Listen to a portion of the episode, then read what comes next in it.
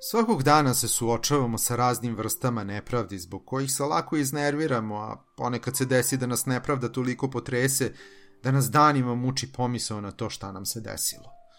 U današnjoj epizodi govorimo o tome kako reagovati na male i velike nepravde koje neprestano doživljavamo.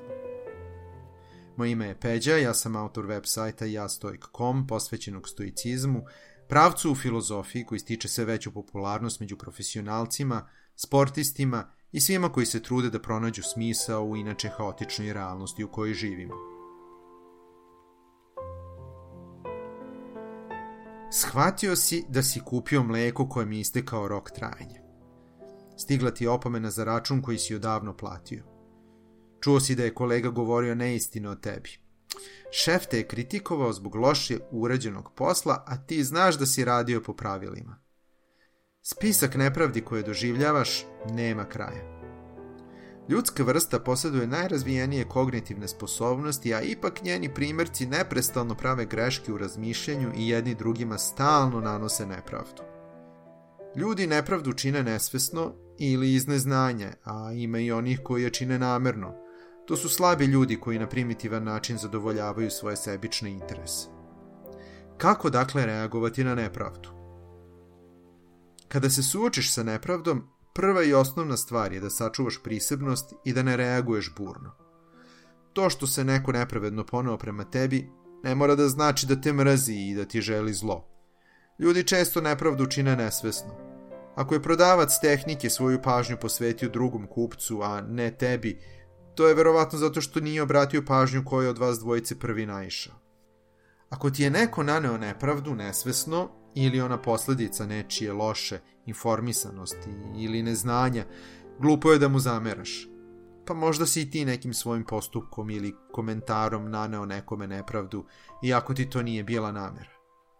Jedan od načina da ispraviš stvari je da pokušaš da razgovaraš sa osobom za koju veruješ da ti je nanela nepravdu. Šta god da se desilo, uvek zauzmi prijateljski stav u razgovoru. Prirodna reakcija na napad je odbrana ili kontranapad – Ako je druga osoba nenamerno pogrešila, nema razloga da započinješ svađu. Može biti da je taj drugi bio pogrešno informisan, da nije shvatio ili procenio neke stvari. Vrlo je mali broj ljudi koji nepravdu čine iz ličnog zadovoljstva. Takve osobe boluju od ozbiljnih poremećaja ličnosti. Njima treba da se bavi medicina, a ne ti. Teško je izaći na kraj sa nepravdom za koju smo gotovo sigurni da nam je namerno nametnuta. Nepravedna dela uperana protiv tebe su dokaz nemoći onog drugog. Samo slabi ljudi varaju u igri zvanoj život. Takođe, ako te je neko namerno verbalno uvredio, to je dokaz njegove inferiornosti. Ružne i zlonamerne reči su jedino oružje koje ta osoba ima protiv tebe. Zapamti, ne vređa tebe osoba koja te napada i zlostavlja, već tvoje ubeđenje da si uvređen – Zato, kada te neko provocira, znaj da te ne provocira on, već tvoje sobstveno mišljenje. Epiktet nas upozorava da nas ne ljute i povređuju reči drugih ljudi, već način na koji ih doživljavamo. Ako reči doživiš kao uvredu na svoj račun, onda ćeš se razljutiti ili potresti. Ako reči doživiš samo kao buku koja izlazi iz usta bespomoćne, zlonamerne osobe, shvatit ćeš da nema razloga da se zbog njih uzbuđuješ. Ako ti je neko namerno naneo nepravdu zbog svojih uskogrudih interesa, najgore što možeš da uradiš je da se spustiš na njegov nivo, pogotovo ako ti je naneta sitna pakost. Seneca kaže da uspeh uvrede zavisi od osetljivosti i ogorčenosti žrtve.